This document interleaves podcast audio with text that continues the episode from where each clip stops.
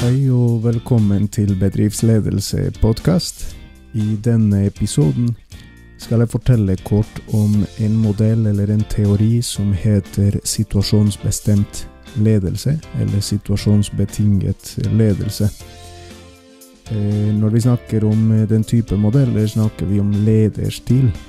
Vil si eh, ulike måter ledere opptrer på eh, tilnærminga til hvordan man utøver sitt lederskap.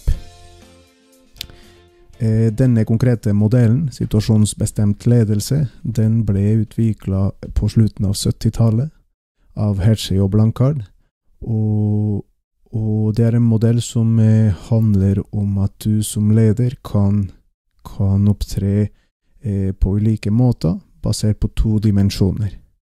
Den ene dimensjonen heter relasjonsorientert, og det er der du har en lederstil som legger større vekt på det mellommenneskelige, forholdet mellom deg og dine medarbeidere.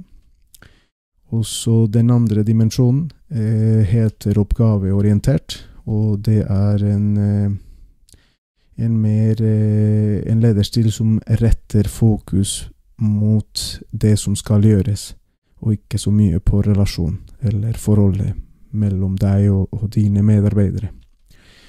Ulike blandinger av disse to dimensjoner gir ulike eh, tilnærminger til hvordan du opptrer, dvs. Si ditt lederskap, din atferd som leder. Eh, vi har på det ene ytterpunktet eh, en lederstil som er som er veldig relasjonsorientert, høy grad av relasjonsorientering, og samtidig høy grad av oppgaveorientering. I den modellen her eh, kalles den eh, lederstilen selgende. Eh, du ivaretar både det mellommenneskelige, opptatt av relasjon, og samtidig av eh, det som skal gjøres.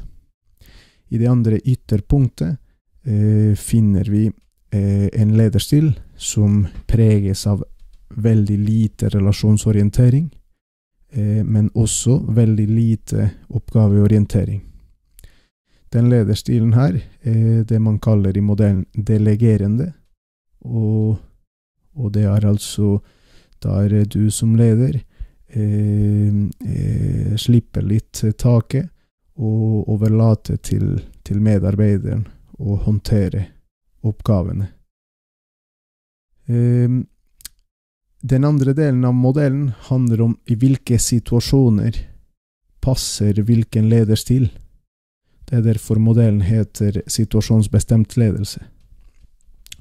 da har modellen i tillegg en skala eh, knytta til medarbeidernes kompetanse eller modenhetsnivå og modellen sier at eh, i de situasjonene hvor du har medarbeidere som har høy evne og høy vilje til å utøve eh, eller utføre jobben, kompetente og modne, erfarne medarbeidere, ja, da passer det en lederstil som er lite oppgaveorientert og mer relasjonsorientert.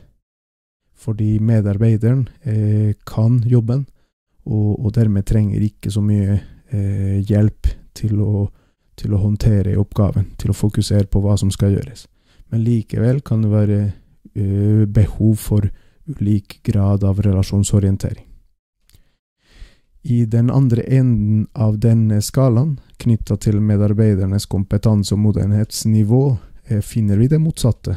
Eh, vi finner medarbeidere som har lav evne eller lav vilje til å utføre jobben. Og det kan være ulike årsaker eh, til det.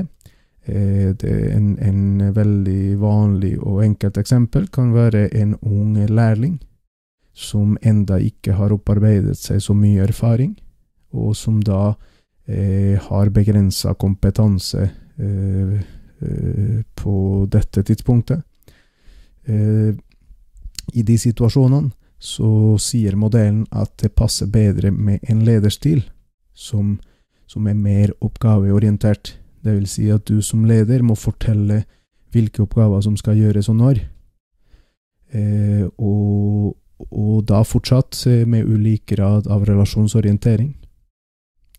Men, men i utgangspunktet er denne typen medarbeidere, eller denne, denne typen situasjoner, krever en sånn type lederstil som er mer oppgaveorientert.